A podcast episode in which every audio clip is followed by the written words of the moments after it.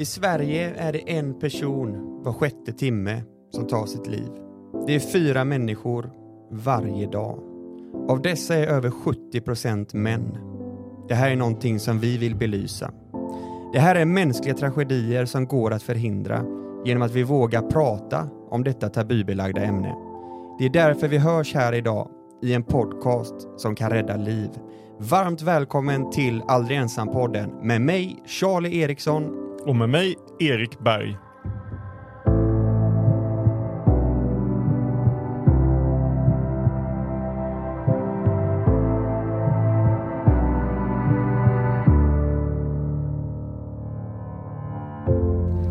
Mitt namn är Charlie Eriksson, 32 år gammal, grundare av organisationen Aldrig ensam. Jag heter Erik Berg. Jag är 34 år gammal och eh, före detta fotbollsspelare.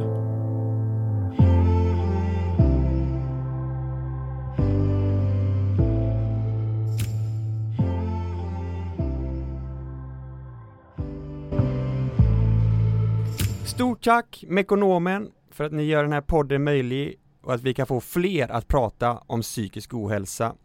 Så alla ni som lyssnar på podden, besök valfri Mekonomen butik eller verkstad. Stort tack Mekonomen!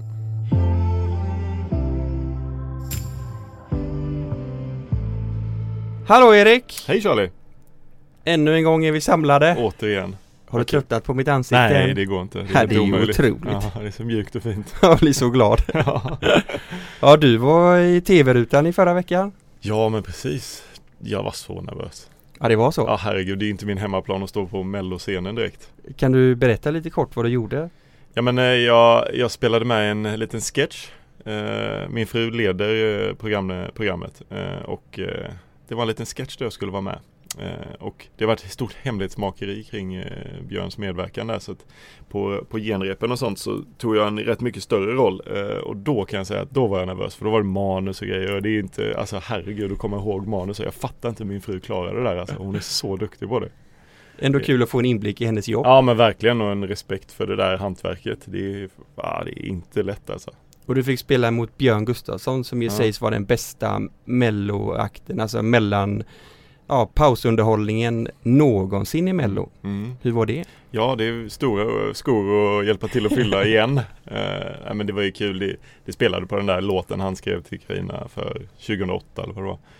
Vilket var ganska kul och så långt efter bara spela tillbaka på det och se det här publiken tycka det är så kul. Det var, det var verkligen roligt. Eh, det var ju sjuk entré när han klev in. Det var ett sånt jäkla liv i Malmö Arena där då. Ja, häftigt. Ja, det var skitkul verkligen. Eh, men jag kan, jag kan säga att mitt hjärta pumpade när jag, när jag klev ut där på scenen. Men hur kändes det att det var att det var du som var i vägen för Björn nu, att det var du som hade fångat Karina. Han verkar inte fatta det, det början. Nej men eh, nej, det är kul. Det, det, det är roligt att, vara- att vara med på den här stora apparaten som Mello ändå är. Det är häftigt att se allting bakom och hur mycket folk det är och så här. En jättekul eh, upplevelse faktiskt. Eh, Jag, tror- jag tror inte för ja, men så här 10-15 år sedan då var det nog svårt att sätta pengar på att jag skulle stå på Mellos eh, scen. Det, det tror jag. Du är väl inte direkt känd för att vara en person som tar för dig och liksom armbågar dig fram? Nej och kanske min sångröst inte är det som jag är känd för heller. Men en annan som är van att stå på scen, det är ju faktiskt dagens gäst. Ja men precis.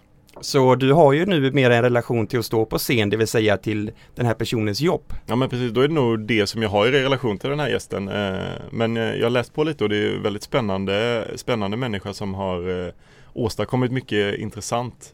Så det ska bli jättekul att få prata med henne då. Verkligen, och hon har ju också skrivit en bok på ämnet psykisk ohälsa och hon föreläser om ämnet så för mig är det ju väldigt hög igenkänningsfaktor och vi gör ju lite delvis samma saker. Så det, det skapar ju ett starkt band till dagens gäst. Mm, Det är jättebra, det behövs ju många som trycker på från olika håll mot eh, beslutsfattare så att det kan hända saker inom det här ämnet i Sverige. Verkligen. Och dagens gäst är ju ingen mindre än Therese Albrektsson.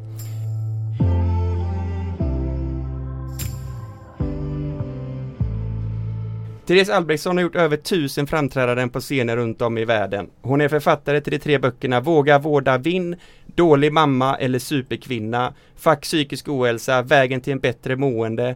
Hon har startat, byggt och sålt flertalet företag och vunnit utmärkelser inom företagande och entreprenörskap.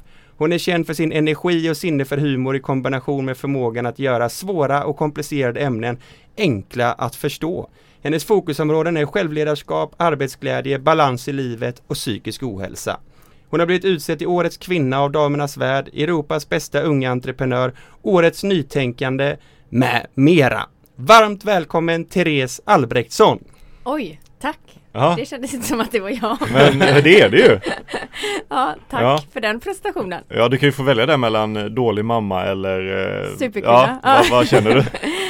Alltså, under den perioden jag var, mådde dåligt, då kände jag mig ofta som dålig mamma. Ja, den här otillräckligheten, man skulle räcka till på alla håll och kanter. Ja. Men eh, ju mer jag jobbade med mig själv och så, så kände jag mig som en riktig superkvinna. Du är en superkvinna. Och Ja. det är ju alla de här erfarenheterna du har som har skapat det du är idag. Ja exakt och det, livet är ju så, det är en berg och dalbana, det är upp och ner och det är precis som du var inne på Erik, att det är ju viktigt att prata om det och få andra Mm. att förstå och trycka på från alla håll så man inte, ja precis som ni pratar om, aldrig känner sig ensam. Precis. För det är ett jobbigt ämne. Verkligen. Temadag. Polisens dag. Så min fråga är kort och gott, vad är era relation till polisen? Min är ganska god eh, faktiskt. Jag har eh, sä- sällan blivit eh, ertappad med några olagligheter. Kanske faktiskt aldrig tror jag. Jag har blivit stannad någon gång eh, för kanske lite för fort kört men inte fått böter. Så, tack polisen. Jag vet inte. jag vet inte vad jag ska säga men eh, Vad sa du till polisen då? Nej men jag, det, de bara kom fram och sa det där gick lite, lite för fort här. Eh, det var på motorvägen tror jag eller vadå. Men, eh, Så gav dem ett par fotbollsskor och de bara, du kan köra vidare. ja, nej men eh, jag, jag uppskattar polisen, verkligen. Eh, Jag tycker det är ett så imponerande jobb många poliser gör. Eh, Känner ju en del som jobbar inom yrket och det, det är inte lätt. Och nej, det, jag har stor respekt för polisen, verkligen. Det, det behövs. Och det är ju också en yrkeskår som har en nära koppling till psykisk ohälsa. För Ja det men är ju precis. Dels de som åker på suicidfall och de möter många människor när de mår som sämst och hela den biten. Så de är ju verkligen en stor pusselbit i att vi ska kunna ta Mm. hand om psykisk hälsa eller ohälsa i Sverige. Absolut. Vet du om polisen jobbar med sin egna psykiska hälsa på något sätt? Liksom? Det kan ju vara tufft att komma först fram till eh, saker. Eh, De jobbar väl med debriefing och liknande, alltså att Ja. de pratar om saker de är med om på jobbet. Och säkerligen finns det psykologer inkopplade och ja, Mm. att de har rutiner för det där. Ja, det känns viktigt. Eh, Den stora frågan är vad Therese relation är till polisen. Nu ska jag rabbla hela, nej, nej jag, ja exakt.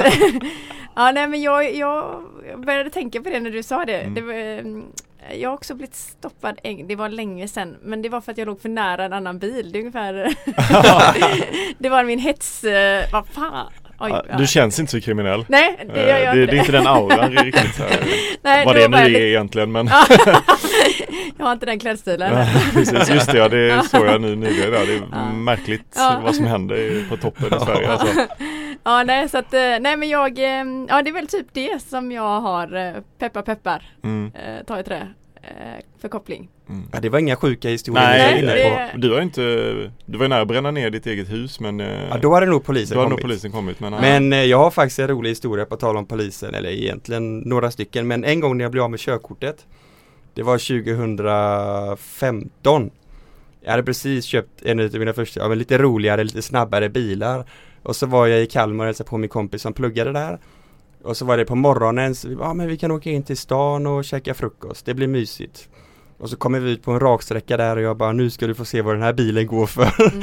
Så var full gas på den här raksträckan tills vi ser att aj, aj, aj, där borta står de och skjuter med laser. Mm. Så de vinkar in oss och så säger polisen bara Jaha, vart är du på väg då? Nej, vi ska inte stan och käka frukost. Ja, då måste du vara jävligt hungrig. alltså, det, vad kul. Det, alltså vad fint, alltså, jag tycker ändå det är, det är ändå viktigt att det finns Ja, sådana han var poliser som tar det jättesnäll och liksom ja. förstod att ja, ja, jag gjorde ett misstag och hela den biten. Så Ja men då tog de mitt körkort eh, faktiskt men han var jättetrevlig. Mm. Eh, sen har jag ju varit, kommit i kontakt med polisen i samband med min sjukdomshistoria och hela den biten men det Just också det. jättepositiva erfarenheter av polisen. Ja, hur, vad hade du för kontakt med polisen då? Ja men det var ju de som hämtade mig eh, Just nere det. i hamnen där Mm. när jag hade tagit alla tabletter så det var ju Mm. de som körde mig till sjukhuset. Ja, just det. Och då var de väldigt profession- professionella och liksom trevligt bemötande. Mm. Så jag har jättegoda erfarenheter av polisen och jag har också faktiskt haft tankar på att bli polis. Så jag har sökt in Mm. till polisskolan Ja. och gjort några av de här testerna och sådär. Mm.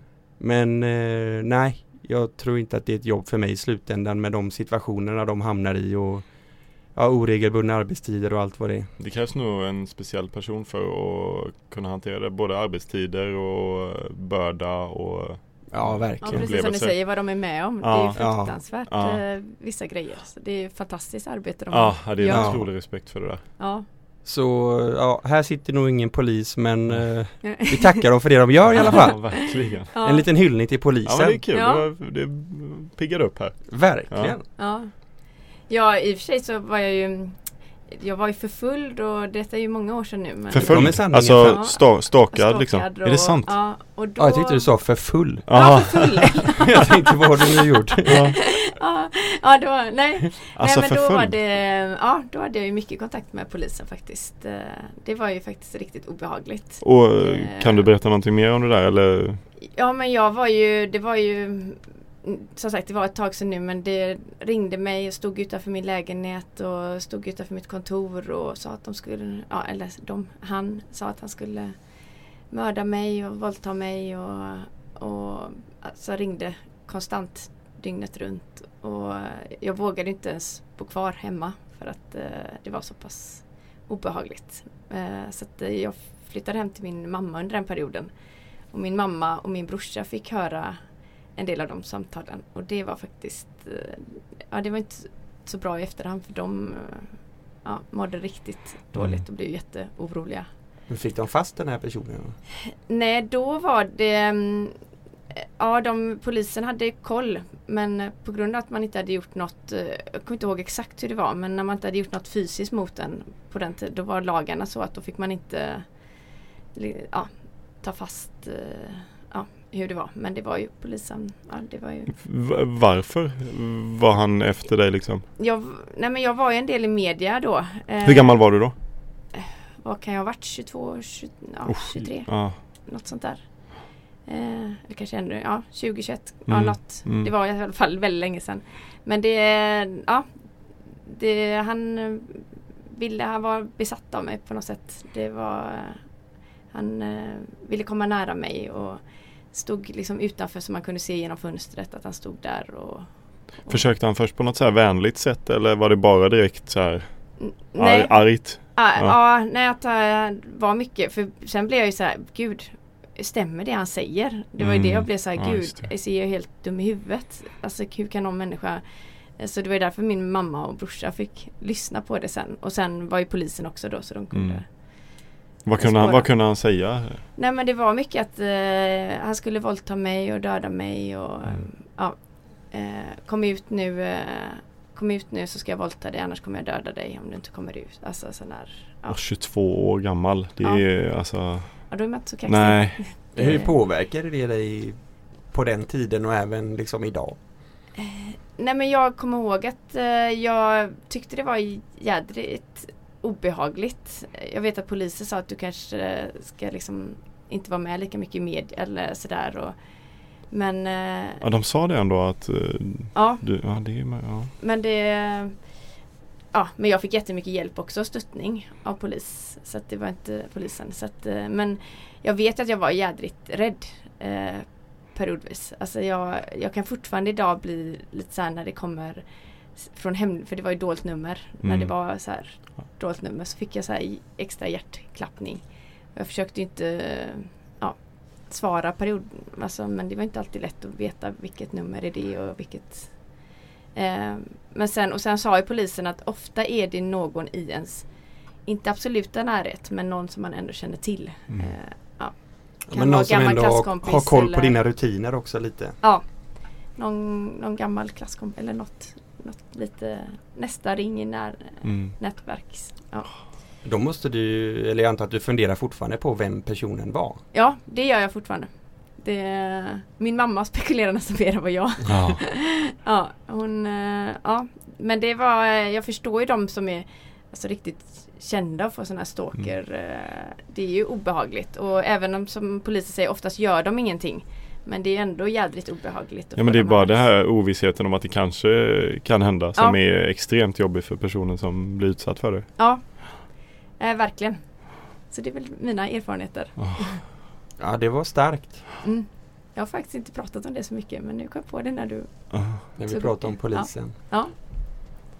Ja, Och detta antar jag, eh, det är ju ett gäng år sedan, det måste varit innan det var mycket sociala medier och så också. Ja det var det. Så detta var ju, ja det var ju bara te- telefonsamtal Mm. som var mycket. Och jag fick ju till och med så här länka med, eller vad heter det, vidarebefordra samtal till min morbror som jag gjorde ibland på för att det skulle, ja för att bli av med det och sådär. Men eh, Vad, vad var det som fick honom att sluta sen då eller var det bara att det bara försvann? Ja men eh, det var lite uppehåll ett litet tag och sen eh, vet jag att polisen hade då om jag minns rätt, som sagt vad är det? 15, Mm, jaha. 15 år sedan. eh, men eh, ja liksom vi har, vi har ögonen på dig. Och då slutade det upphörde lite tag och sen fortsätter det efter ett halvår igen och så, eh, så var polisen i kontakt igen och vi har ögonen nu på dig och kunde ju spåra samtal och sådär men inte, han har inte gjort något fysiskt mot mig. Nej men det kan ju vara lika farligt det eller värre upplevelse även om det inte är något fysiskt. Ja, ja men det var det. Jag var ju, jag ville inte gå själv på kvällar förstår. och sådana bitar. Det var, Tänk att man kan skapa en sån otrygghet hos någon annan människa genom att bara ringa telefonsamtal. Alltså det är så hemskt. Ja. ja. verkligen. Usch. Framförallt tänker jag också just när någon är kring ens hem. Men hem är ändå ens trygga borg och där ska det inte kunna hända någonting utan där är man alltid trygg. Eller det är känslan. Mm. Men att någon inkräktar i ens egen borg. Ja. Ja det är lite, Att inte ens också när vara trygg själv hemma. så Ja. är man inte så jättekaxig när man eh, är där. Nej verkligen. Ja. Flyttar jag hem till mamma igen. Ja det förstår jag. Ja. Ja. ja.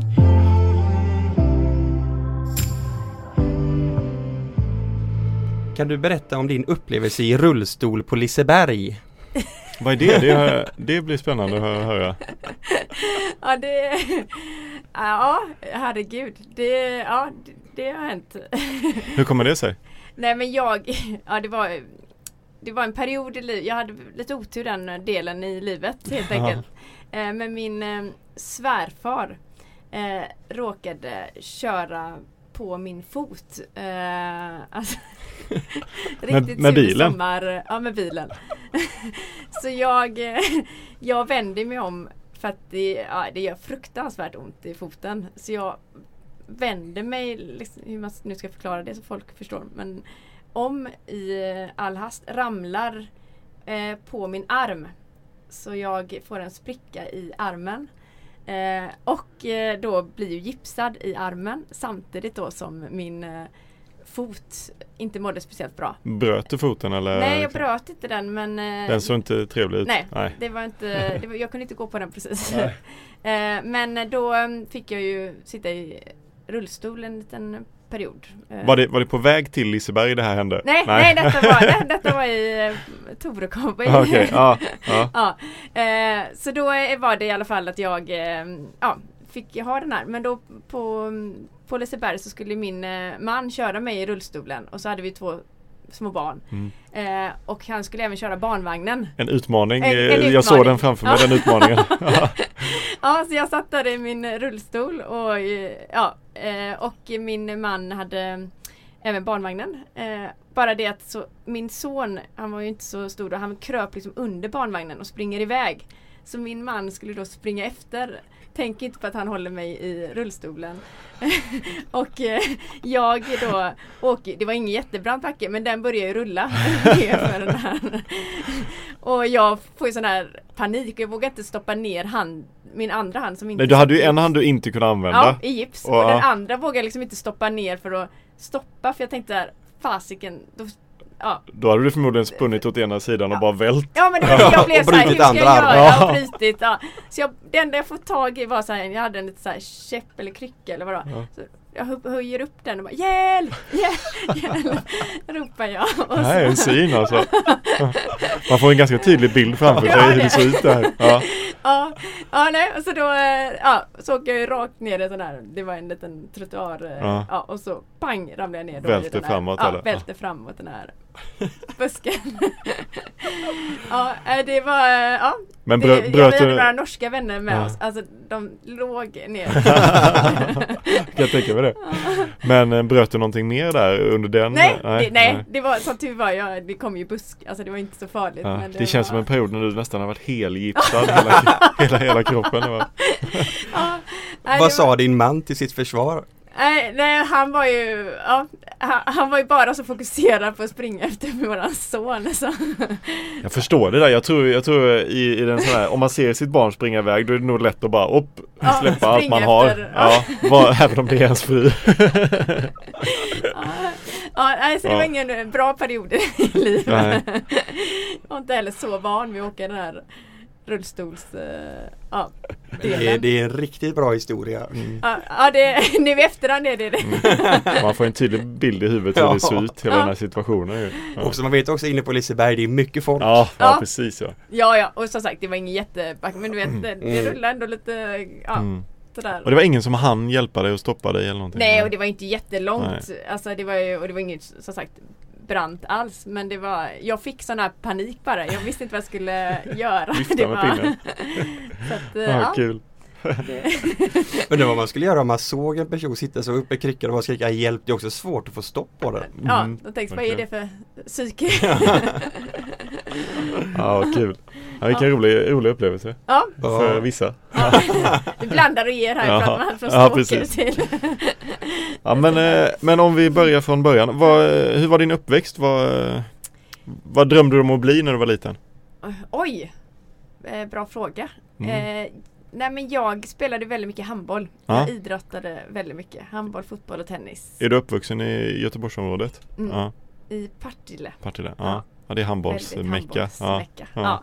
Så att eh, det Ja, och min eh, mamma och pappa spelade i damlaget och herrlaget och sådär och ja, var tränare. Och, så det blev eh, väldigt mycket handboll. Och det tyckte jag ju var livet. Det Mm. var ju ja, mycket resor och kompisar och sådär. Eh, så att eh, jag ville nog bli handbollsproffs när jag var riktigt Mm. liten så. Men så fyra knäoperationer Ja. sådär under tonåren och ja, en del korsband och sådär som gjorde, satt stopp. Det har jag också varit med om, korsbandsknä. Ja, Det är inget kul. Nej, det är inte roligt. Och jag kan tänka mig speciellt i unga ålder. Jag, jag fick ju det ganska sent eh, i min karriär så vilket var skönt. Jag hade en ganska lång karriär inom fotbollen innan. ja. Eh, jag kan tänka mig att eh, när man är ung och får det så är det en ganska hård turn mot ens eh, Ja, eh, Jag- psyke. ja, men precis som du säger. Mm. Eller det är väl aldrig roligt oavsett Nej precis, vilken, nej, eh, nej. Men jag var 13 drog jag mitt första korsband. Då, 13 år.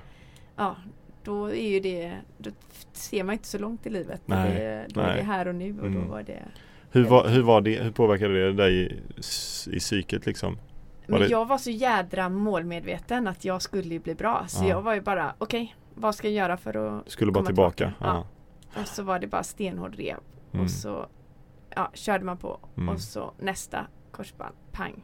Och så stenhård rev. Var det samma knä eller var det? Nej, eh, jag har dragit två på varje. Åh jäklar. Eh, Ja. Så att, eh, ja. Det...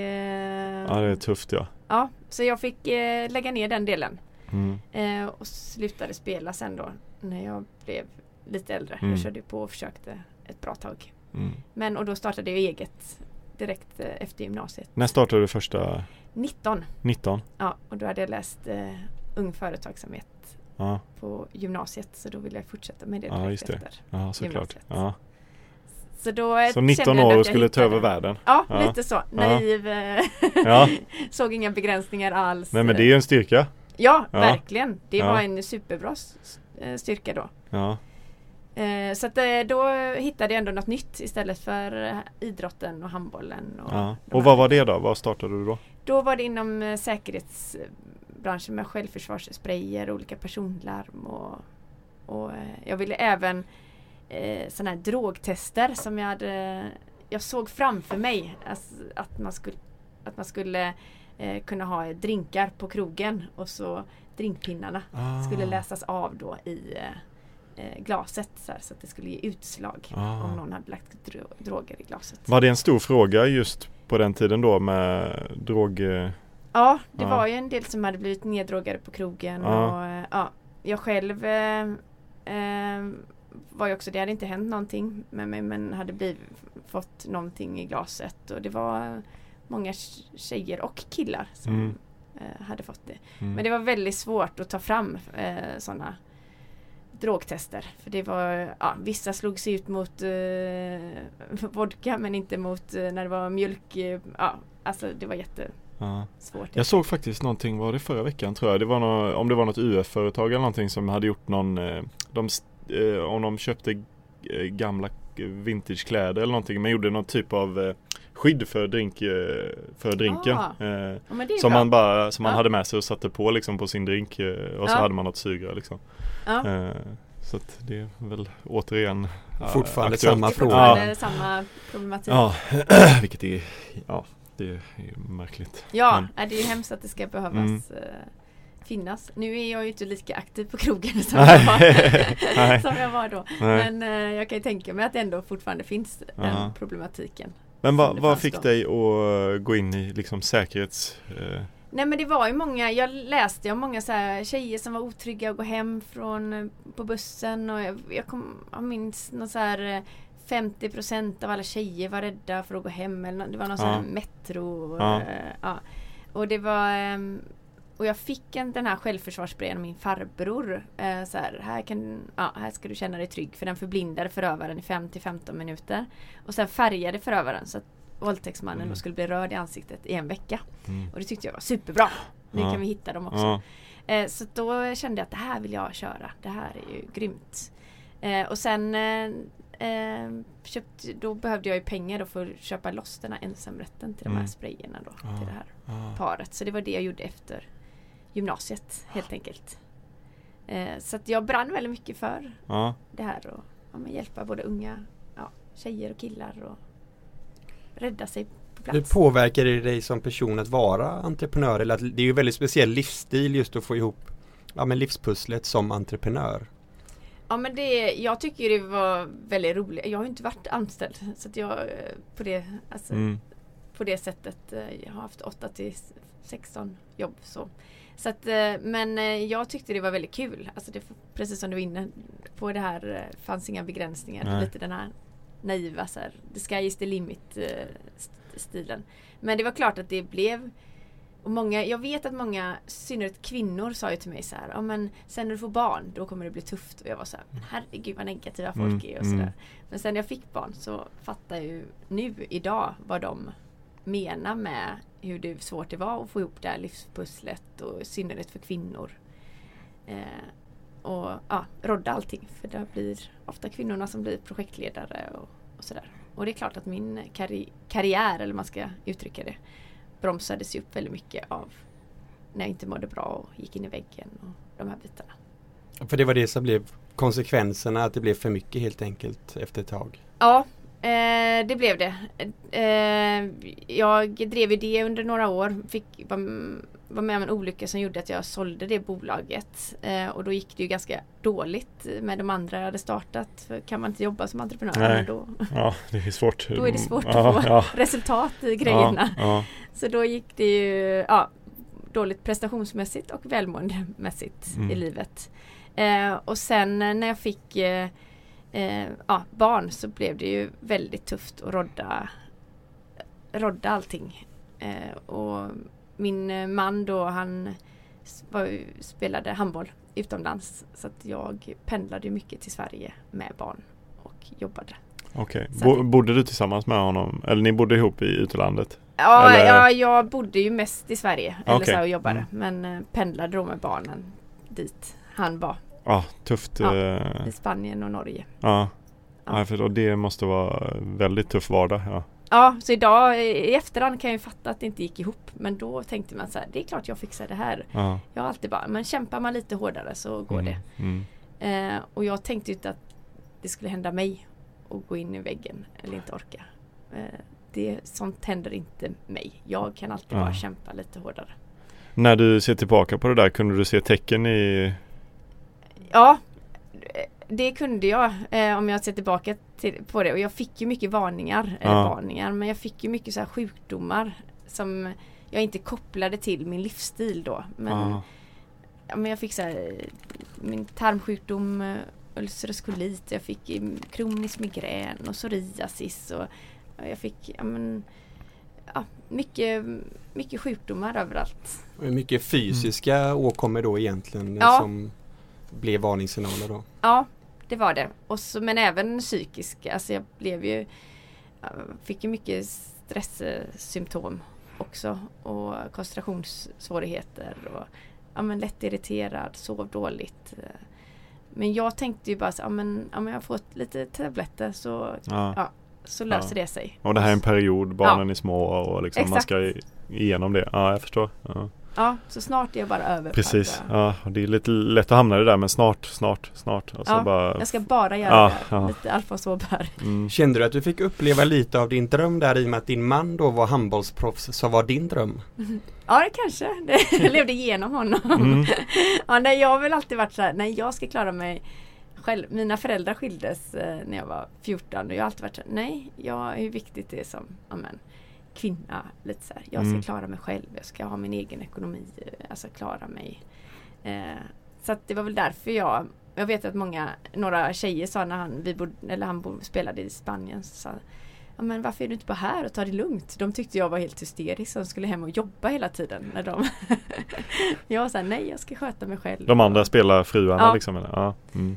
Men jag tyckte att det var väldigt eh, viktigt. Och jag tyckte också att det var väldigt kul. Framförallt. Det Mm. var ju, alltså, jag tror att det är viktigt med det här självförverkligandet. Att göra sin egen grej. För det mår man ju också bättre av. Det får bara inte bli för mycket. Nej, precis. Så att, eh, Ja men för, hur var livsstilen där då innan du liksom helt kraschade och Ja nej men det var ju väldigt mycket, då var vi ju ja, i Norge Mm. och jag pendlade ju mycket till Sverige och jobbade och ja, hade ett bolag och anställda och Mm. sådär där. Och eh, ja det var ju, jag sov sämre, jag åt dåligt, alltså Mm. jag gick ju upp jättemycket i vikt. Eh, och jag eh, ja, rörde mig knappt någonting. Eh, från att ha varit ganska så här, idrottat mycket och sådär. Så Mm. han inte helt Nej. enkelt. Allt det prioriterades bort för att Ja. få ihop barnen och jobbet. Typ. Och jag vet ju nu i efterhand att det är klart man inte ska prioritera bort.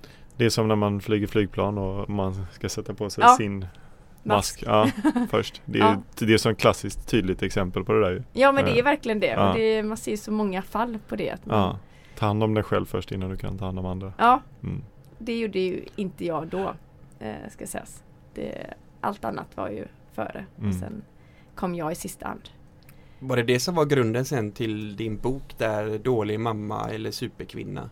Ja, det var det. Eh, för ja, men lite det här att många hade sagt det här. Men, eh, ja, men sen du får barn så kommer det vara tufft. Men jag som sagt insåg ju inte riktigt eh, det då. Men eh, sen, och jag tänkte när jag får barn, nej men jag ska fortsätta jobba och jag ska klara barn och allt sånt där. Men eh, och jag påverkades väldigt mycket av vad andra tyckte. Mm, eh, jag tog inte åt mig så mycket av så här jobb om någon var kritisk eller eh, så på samma sätt. Men om någon sa att man var en dålig mamma eller Mm. inte tog hand om sina barn tillräckligt bra eller bra.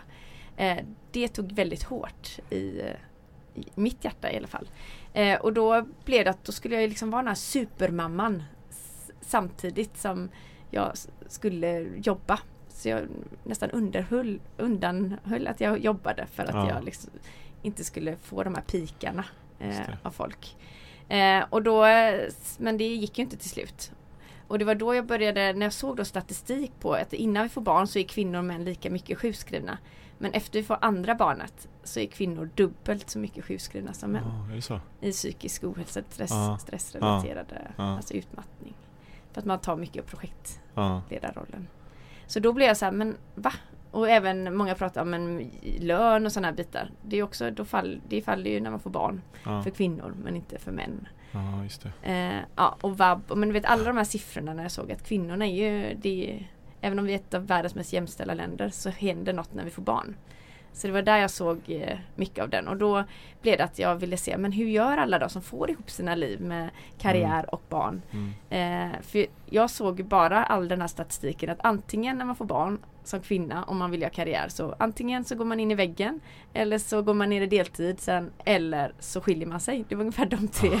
Det låter jättedeppigt. ja men det är ju Ja. bra att identifiera det Ja, och liksom försöka hitta någon lösning där. ja. och det var då, så då intervjuade jag ju ett 30-tal kvinnor. em, Alla kvinnliga partiledarna som Mm, var allt mm. från Gudrun Schyman till Ebba Busch till eh, eh, ja, och mm, Anna Kinberg Batra och Annie Lööf och sådär. Och sen eh, ja, Camilla Läckberg till Jessica Almenäs och hur får ni ihop era liv? Och vad gör ni för eh, ja, eh, att kunna kombinera? Men då uttryckte ju väldigt många samma sak. Eh, både det här igen, alltså, tyckte det var väldigt jobbigt när de fick kritik och fick väldigt mycket kritik eh, för sin mammaroll. Eh, ja, ganska många så här tragiska berättelser. Ja. får Vadå, att man prioriterar karriär och barn? Alltså, Ja, att de får skit i media. För att man lägger, att man försöker ha en karriär Ja. samtidigt? Ja. Mm. Exakt som Jessica Almenäs blev anmäld till socialen för det var några Ja. som tyckte att hon Mm. kan inte ta hand om sina barn ordentligt. Mm. Eh, Medan David Helenius som också hade Let's Dance samtidigt får ju inte det. Nej. Eh, Precis. Eh, typ. Och ja, både Annie Lööf och Ebba Busch eh, fick ju liksom en del hat kring att de eh, Mm. inte tog hand om sina barn ordentligt när de satsade på sin karriär. Och Mm. till många sådana bitar. Och det gjorde ju då att de blir bemötta på ett annat sätt Mm. än vad männen. Och till slut kanske man inte orkar då. Nej, såklart. Vad lärde du dig av den processen att intervjua alla de här människorna och vad var deras överlag lösning på problemet? det var väldigt blandad lös- Alltså en del var ju eh, om man ser det större perspektivet kring alltså politik, samhället, alltså de här strukturerna som finns. Eh, det var ju en del av lösningarna men eh, jag fokuserade också mycket på individen, alltså vilka attitydförändringar som behövs. Eh, men också mycket med förebilder eh, som behövs inom de olika eh, ja, delarna, att man ska kunna kombinera men också framförallt som jag tyckte var lite deppigt är att det är oftast kvinnorna själva som sätter pressen på andra kvinnor. Ah, Det är inte så ofta att det är männen som eh, nej. Men du vet de här små grejerna hela tiden att man borde ha gjort det här för barnen. Att det, bo, kvinnorna borde ha istället för att vi bromsar upp oss själva och inte kommenterar allting oavsett om det är på sociala medier eller om det är ens familjemedlemmar att nej men gör inte det, barnen behöver dig. Eh, Ja, men barnen har ju sin pappa. Det är Mm. inte Ja, jag, Ja, det går ju att kombinera. ja exakt. Ja, och hjälps man åt i ett förhållande också så är det inga problem. nej, Eh, av erfarenhet kan jag säga det. ja. Eh, då, då löser man ju det. Ja. Men då Mm. behöver man ju att både, ja, som du säger, att Mm. man hjälps åt. Mm. Eh, och att kvinnorna får göra, Ja men precis. Ha möjlighet till det. Är det någonting du känner igen Erik just med, ja men din fru är ändå känd och ja, men jobbar mycket eller syns mycket snarare. Är det någonting som ni har fått höra? Eh, men hon, är, hon har varit ganska förskonad från sånt där ändå. Eh, faktiskt. Eh, men det är klart, eh, alltså hon får göra saker ibland. Eh, så är det ju. Eh, hon brukar säga, bli aldrig offentlig kvinna. Det. Ja, nej, men eh, det, det är tufft. Alltså de får mycket kommentarer och kring vad man än gör. Eh, Så det är klart, eh, det kan ju ibland nå in men jag tycker vi är ganska duktiga på att tillsammans skärma bort sånt där fr- från oss. Och, nej, men vi hjälps åt väldigt mycket i våran vardag och vissa perioder jobbar hon mycket och vissa perioder har jag mycket. Men vi, vi har en väldigt stark känsla av att vi vill hjälpa varandra och lyfta varandra. Så att det, jag tror det gör att vi kommer eh, förhoppningsvis inte hamna i sådana jobbiga per, perioder. Mm. Det känns väldigt bra hittills i, i vårt förhållande i alla fall. Ja. Vi trivs väldigt bra med varandra på det där sättet. Eh, Ja, och det är väl någonstans där man ska landa också att de som vet bäst är ju en själv såklart. Ja men precis och jag, menar, jag älskar att peppa henne och stå vid si- hennes sida och liksom få henne att skina.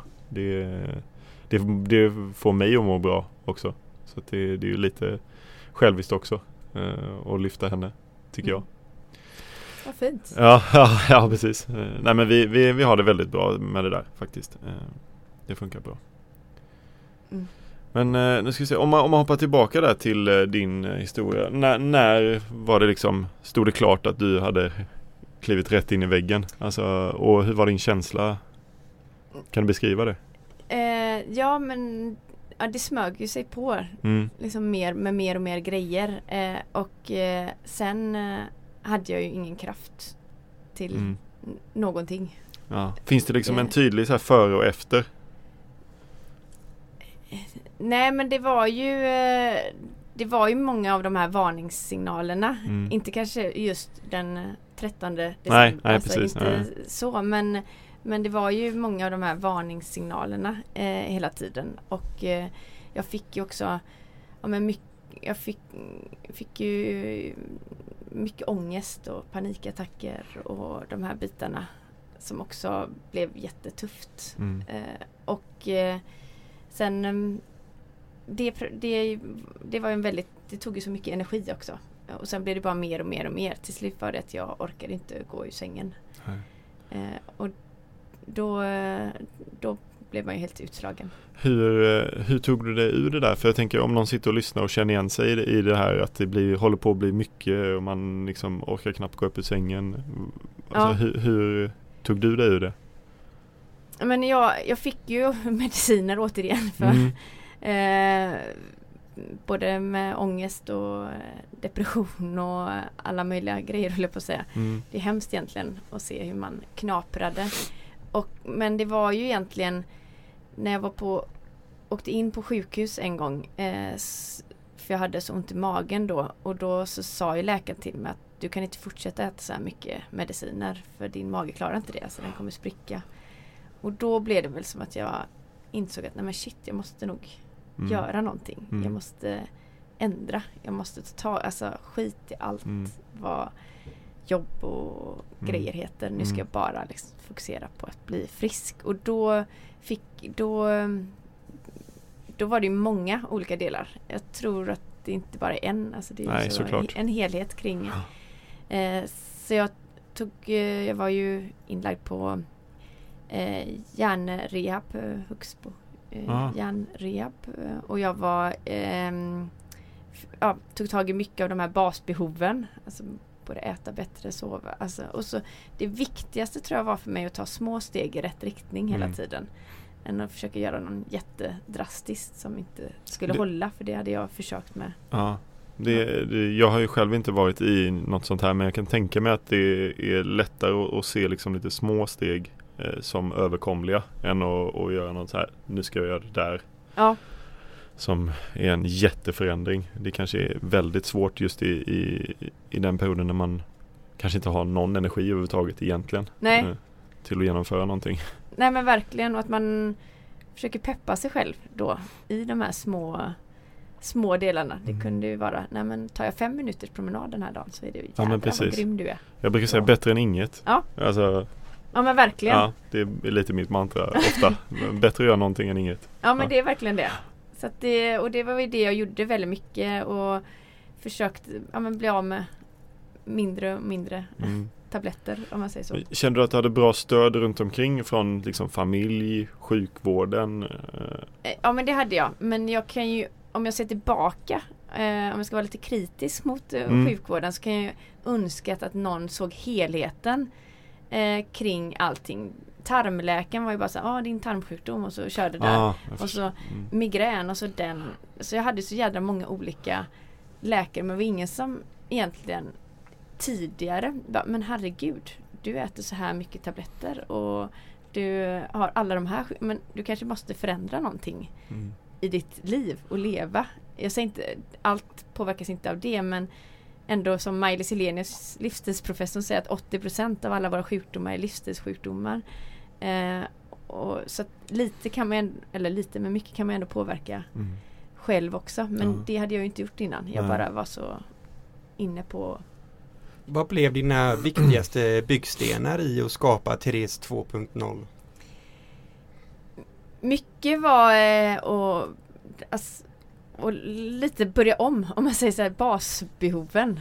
Det, men äta rätt, sova bra, eh, röra, röra på sig och inte det här eh, träna. Alltså för träna då, många säger men gå på gymmet och göra massa Men mig var liksom bara få igång rörelsen. Som du sa Mm. Ja men fem minuter promenad per dag. Ja, men det blir faktiskt 30 timmar på ett år. Alltså då är det mycket bättre än att gå stenhårt fem dagar och sen eh, checka ut efter Mm, en vecka. mm. Så att jag försökte med alla de här ja, leva lite mer 80-20 80% bra och 20% inte vara stenhård mot mig själv utan vara för lite förlåtande men ändå börja mycket med kost. Ja, Jag åt mycket antiinflammatorisk kost och jag åt eh, eller var noggrann med sömnen och rörelsen. Mm. Eh, och också det mentala och jobba med ja, men jag gick ju KBT och mycket med de bitarna. Det är inte så lätt när man Ja. har ångest och Nej. panikattacker. Hur påverkades din syn på, ja men du var väldigt karriärinriktad innan och, och prestationsbaserad. Hur, hur påverkades det efter detta? Men det är ju, det är ju jättetungt ska jag ju säga för det är ju eh, Ja men det blir en törn mot sin sitt välmående och de här inre psykiska musklen, musklerna, självförtroendet, självkänslan när man inte klarar samma sak. Och precis som du säger, jag gillade ju att prestera och, och lyckas med saker. Och jag ins först var jag så här, nej men försök släppa det helt. Men jag insåg att nej men jag har ju fortfarande den här Drivet liksom. Ja. drivet i att lyckas med saker eller den här prestation. Så jag fick acceptera att jag har det i mig men fick lägga, styra om fokuset. Vad är det jag ska prestera inom? Prestera inom att må bra. Mm. Eh, så att jag satte upp prestationen i mig igen. Så här hälsostjärnor. Eh, gjorde en egen bok med hälsostjärnor. Och då var det liksom, jag kunde få jag skulle lyckas nå 10 poäng per dag men det kunde 10 poäng, 2 poäng kunde jag få på återhämtning. Alltså Ah. vila. Mm. Innan var ju vila, men herregud det hinner jag inte, det kan jag göra när jag ligger i graven. Alltså Mm. den inställningen Mm, hade jag ju innan. Nu var vila en bra grej för mig till exempel. Så att jag la om vad det var som var prestation i mitt liv. Kan du känna, när, när du började lägga om och skapa liksom nya rutiner och sådär, kan du, kan du känna att eh, det triggade till att göra ännu mer bättre grejer? Alltså om man kände att en sak funkade, blev man sugen på, åh det här kanske funkar också, det här kanske funkar också. Alltså man liksom blir som en nästan snöbollseffekt på det där. Ja, ja men ja. Det blev Mm. det tycker jag i alla fall. Man kände att ja, men rörde jag mig mer. Och så då blir det då, ja men precis, då vill du äta anfli- antiinflammatorisk kost och liksom man blir liksom nästan lite uppfylld av att det funkar. Ja, Ja. exakt. Och sen, sen var jag som sagt inte stenhård med det. Nej. Och antiinflammatorisk är Mm. ju liksom mycket en del i den här kostpyramiden som är forskningsbaserad. Så det, är- ja, det är, men, och, och det tror jag är viktigt. För många är så här, ja men inte äta det eller det. Och jag tror att det viktigaste är att man hittar det som passar en själv Mm. i, i det. Sen vissa saker är självklara, kanske socker med ja. eh, och äta sådana. Men annars är det nog bra att äta det som passar en själv till exempel. Min mage mådde bättre att inte äta så mycket kött till Mm. exempel. Eller vad det nu är. Så ja men precis. ja, Få hitta sin väg fram i det. ja, Ja. verkligen.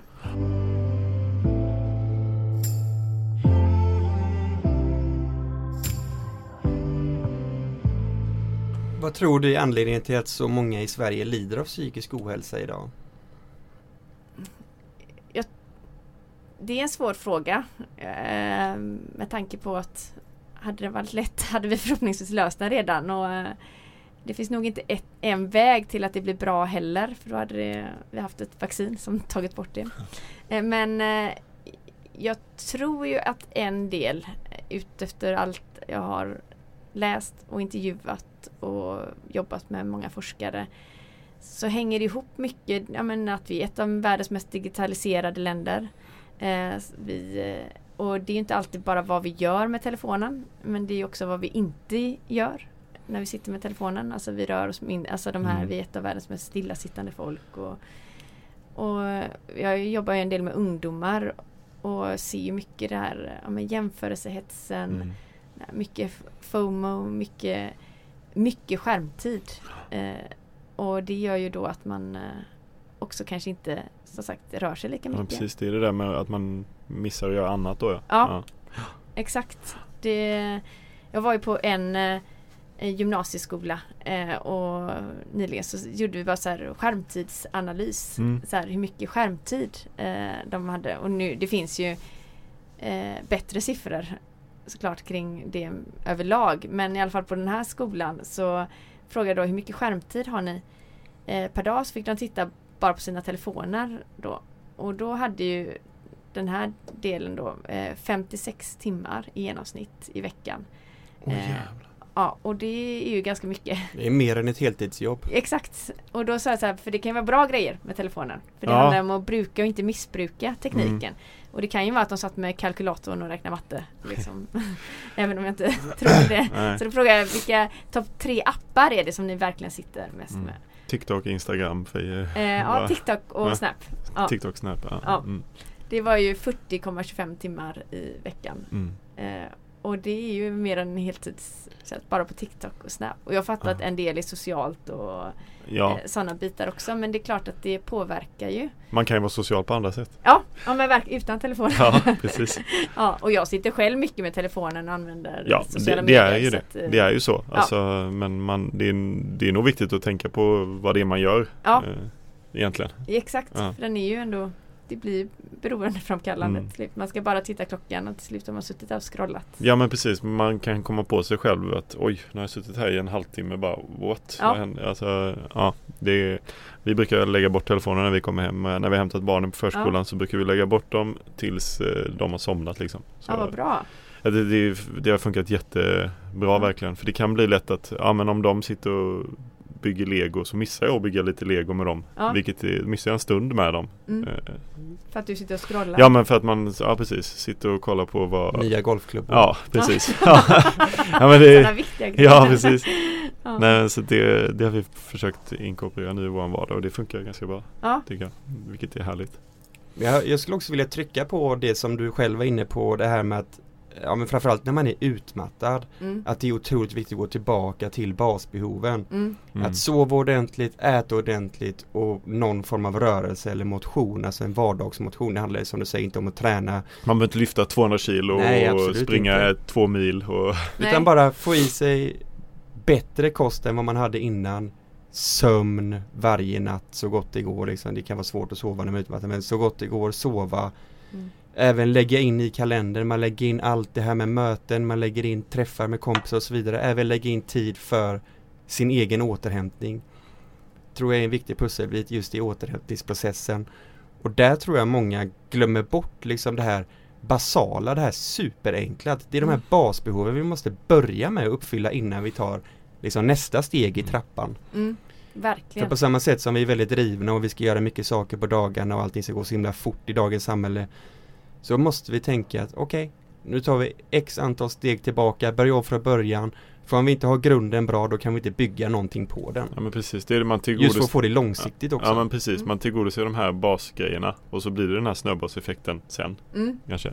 Ja men verkligen, det är lite som när man bygger hus. Man måste ha grunden innan man kan bygga Mm. huset. Ja men börja på rätt ställe Ja, Känner du dig igen, igen dig mycket Charlie i hennes berättelse? Absolut, Ja. absolut, verkligen eh, Och jag känner också igen mig i frustrationen och den här känslan av att Herregud, jag som är liksom på toppen, ska jag gå tillbaka och tänka på hur jag sover och vad jag äter och träda och sånt alltså Jag satt ju där och tänkte okej hur ska affärsplanen se ut och hur kan jag få in mer möten på en dag? Alltså hur Mm. kan jag maximera min vistelse där att träffa mer folk och så vidare så Det är en Det är också det här känslan av att Eller för mig blir det att jag tänker att de här sakerna är för enkla mm. Att "Åh, jag vill inte hålla på med sådana enkla saker Nej. men det är ju det enkla som är så svårt Mm. Och det är därför det är så otroligt viktigt att Få med de här bitarna från början ja.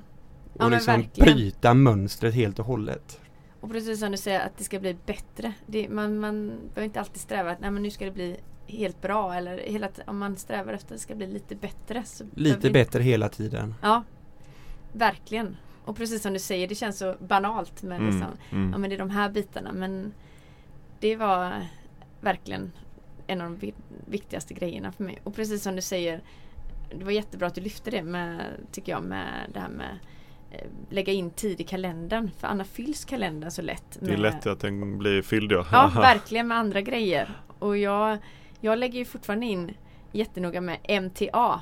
Det är för återhämtning eller tid för mig själv. MTA är Ja. möte Therese Albrektsson. Ah. Ah. ja, då är det, det får inte ryckas i min kalender för jag måste ha de bitarna. Vad gör, du, vad gör du själv för att återhämtning? Alltså, Men ibland kan det vara bara att vila. Mm. Ibland kan det vara massage. Ibland Mm. kan det ja, eh, vara ansiktsbehandling. Alltså du Ja. vet, ta hand om mig Mm. själv. Eller mm, eh, ibland kan det bara vara att eh, men, ta det lugnt. mm. Meditation eller det är ju lite olika beroende men i alla fall att det är fokus på mig. Ja. Det- För hur ser din vardag ut nu? Eh, Nej men och det, jag är väldigt noggrann med det eh, Mm. fortfarande. Att jag måste ha in det i kalendern för det är så lätt att det fylls annars. Sen kan jag flytta det inom veckan sådär. Mm. Vad det, om det är så här, oj nu dök det upp en poddinspelning här. Ja. Ja.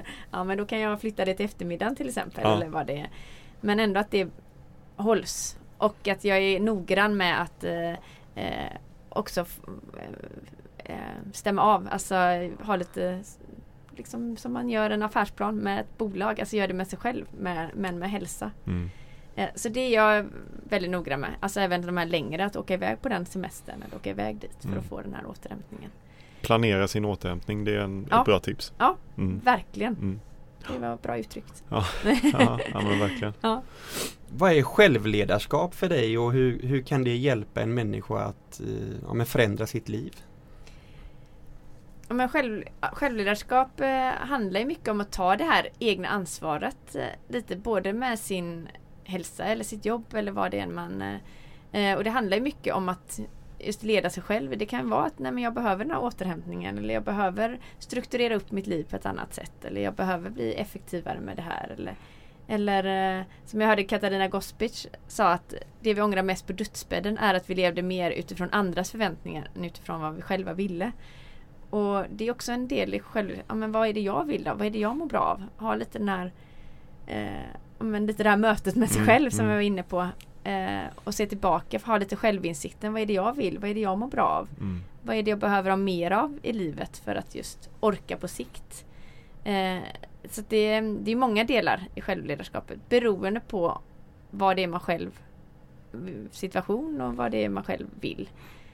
Så nummer ett i självledarskap är ju mycket den här självinsikten. Jobba Mm. med självkännedomen. Ja, men våga sätta sig själv i första hand också. Ja. Det är nog inte jättemånga som är så bra på det. Nej, verkligen. Nej. Och lite mm, precis som Mm. du säger, vad är det jag behöver? Mm. Och bli, sätta sig vid ratten i sitt egna liv, bli sin egen detektiv lite granna. Vad är det jag Det finns ju en klassisk fråga där man gör ibland när det är lite, ja, om man har större publik så kan man fråga, ja men vilka är de tre pers- eh, viktigaste personerna i ditt liv? Mm. Och så får de sitta och fundera lite på, och så blir det så, ja mamma, pappa, syskon, partner och så vidare. Men det är nästan aldrig någon som har med sig själv. Nej. Mm.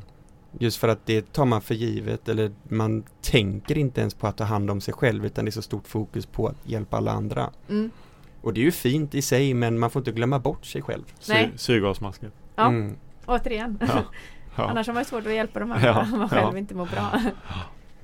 Ja. Nej men verkligen så. Mm. Ja, Och som du säger att eh, det blir också en form av rannsakan att tänka vad är det jag vill göra med mitt liv? mm. Och inte bara leva för att uppfylla andras drömmar eller andras krav eller förväntningar på en. nej, verkligen. Och det kunde jag själv känna att jag levde väldigt mycket i att försöka Mm. att alla andra skulle vara till lags, alla Mm. andra skulle må bra. Och jag har fortfarande mycket det i mig känner jag. Men jag, precis som med syrgasmasken, Mm, man mm. behöver ju ibland också, ja, men vad behöver jag för att orka?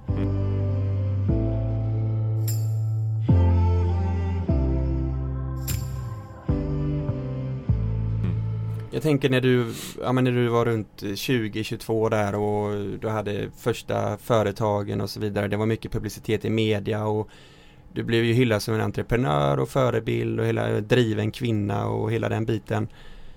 Hur skulle du säga att din syn på livet mest skiljer sig från då till idag? När du är på en helt annan plats och gör andra saker. Oj, eh, bra fråga. Eh, det är väldigt annorlunda Mm. liv jag lever nu kontra då. Sen är det klart, då hade jag inga barn och kunde också köra all in. Men om jag backar tillbaka så kan jag ju inse att det var inte hållbart riktigt heller så som jag levde. Sen att jag var med om en olycka som tvingades att jag sålde bolaget och så. Det kanske hade hänt förr eller senare ändå. Att jag inte hade Mm. orkat redan då, om man säger så. Mm. Så att eh, Nej men eh, nu har jag väl blivit äldre och klokare höll jag på att säga. Eh, och inser väl mycket mer att det inte går att leva på det sättet. Sen kan man ju, sen kan man ju leva under kortare perioder, liksom stressigt och intensivt. Jag har ju vissa, som vi pratade om innan där, att ja, men det är klart att under april, maj här, ja men kommer det vara all in och sen kan det vara lugnare i maj, juni. Men, eh, men livet nu än så länge är mycket mer behagligt och ja, skönt på Mm. det sättet. Men Man landar mer i sig själv också. Skönt. Mm. Sköna insikter. Ja, verkligen. Men Vi har ju ett mål med det här och vi, vi vill ju nå fler män som mår dåligt för det är, det är liksom överrepresenterat i självmordsstatistik och allt sånt där. Har du någon tanke kring hur man ska nå fler män eh, inom det här ämnet?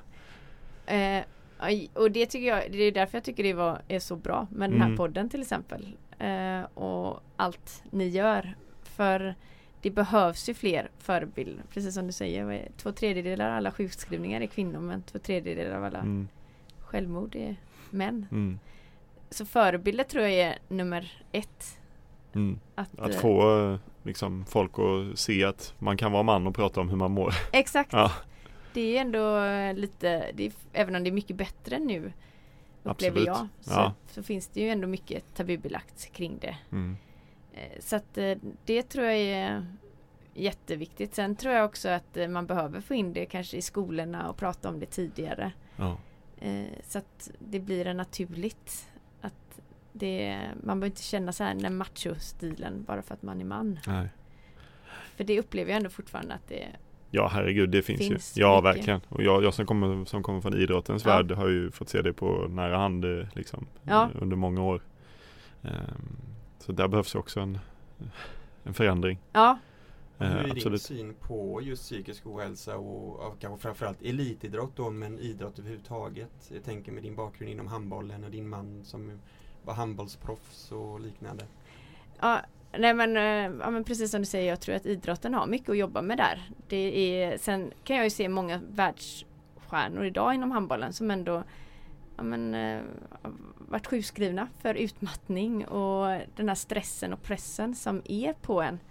Eh, det är ju eh, jättetragiskt såklart men det är ändå bra att man vågar skriva om det och inte Mm. skriva att det är någon annan skada eller något sånt Mm. där. Utan att man är öppen med det. Mm. Det tycker jag är väldigt bra. För det finns ju en, eh, en enorm, ja, du vet ju du som är inom Jaha. idrotten, ja. men det, att man eh, inte behöver känna den här macho-delen. För det är klart att det är otroligt tufft. Jag vet ju bara i de lagen som min man de har haft, de har ju jobbat mycket med mentaltränare och Mm. de bitarna också för att Ja folk ska våga. Ja men precis, elitidrott ja, och framförallt elitidrott handlar ju mycket om det mentala spelet. Alltså Ja. många av idrotterna så gäller det att ha si, sitt tankesätt på, på rätt plats Ja. när man kliver ut på en, en, en match eller liksom när man ska prestera. Ja. Eh, annars, går, annars går det inte. Eh, så att, eh, och jag har haft eh, tur att många av de föreningar som jag representerat har haft eh, mental träning liksom, mm. i schemat och det, det tror jag är väldigt, väldigt viktigt. Mm. Eh, men att man ska kanske få det ännu längre ner i organisationen också att eh, som Aldrig Ensam håller på med och utbildar eh, föräldrar och ledare och spelare liksom i lägre, eh, Mm. längre ner i hierarkin eller vad man ska säga. Mm. För då bygger man ju en kultur i föreningen att man, man tar hand om det. För att det är jätteviktigt. Mm. Eh, Så det tror jag är jättebra och det är en del av vad Aldrig Ensam håller på med också. Ja. Ja för då man behöver ju hjälp. Mm. Alltså med Ja, och det är jag fattar lätt. ju att elitidrott det är ju jädrigt prestation. Alltså det är ju, du blir bedömd och det är Ja, det är Ja. många som tycker. Ja det är verkligen det Ja. och du blir uthängd om du inte Ja. Mm. gör det bra. Alltså om man pratar om den riktiga eliten. Ja, det kan ju vara mordhot och allt möjligt eh, man kan få ta del av. verkligen. Eh, Så att det, Så att det, det finns en press där. Ja. Ja men verkligen. Så att det är precis, men det är även längre ner såklart också. ja, men får man den grunden tidigt i, i en förening så, så blir det nog lättare att hantera det när man blir äldre också. Ja. Eh, Såklart. Ja.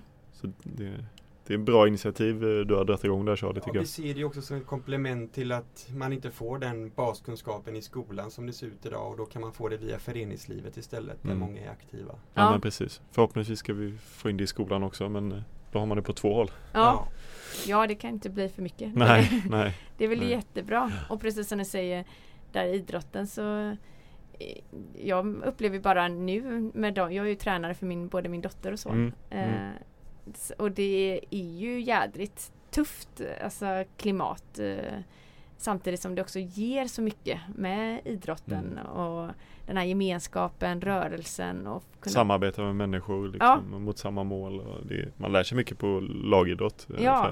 Tycker jag absolut. Ja, så det, ja, om man kan behålla så många som möjligt så Ja. länge som möjligt till att vara med så är det jättebra om man då också kan få mer liksom, kött på benen med Mm. ja, initiativ med att hjälpa dem med det mentala också så är det kanon.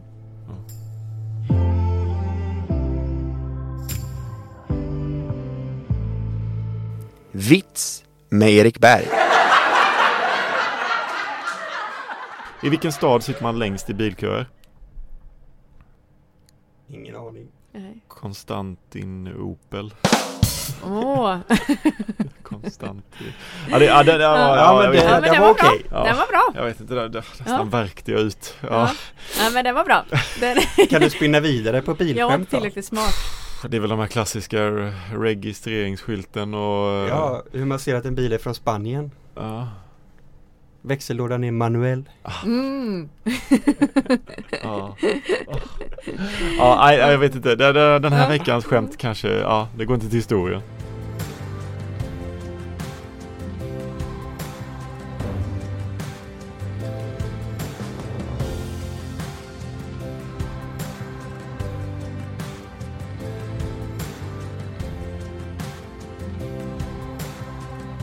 Låten i podden är den officiella låten för Aldrig Ensam, You're Not Alone med artisten Kristoffer Gresela.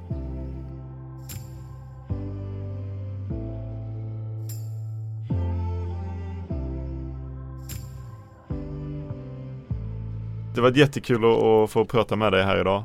Ja, Eh, tack för att jag fick komma. Mm. Och om man vill eh, ja, men veta mer om dig eller följa dig eller få tag på dig, hur gör man då?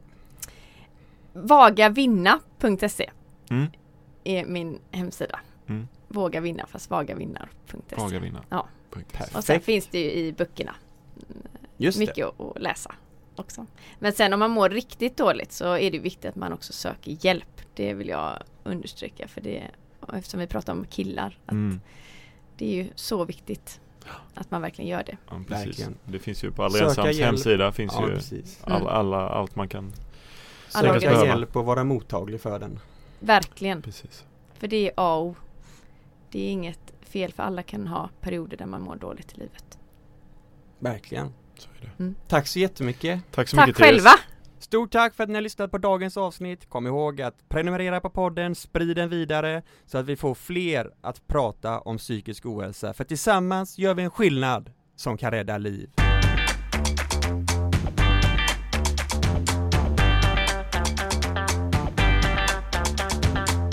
Karina Bergs visdomsord. Oavsett hur mörkt livet är så är det alltid ljust i kylskåpet.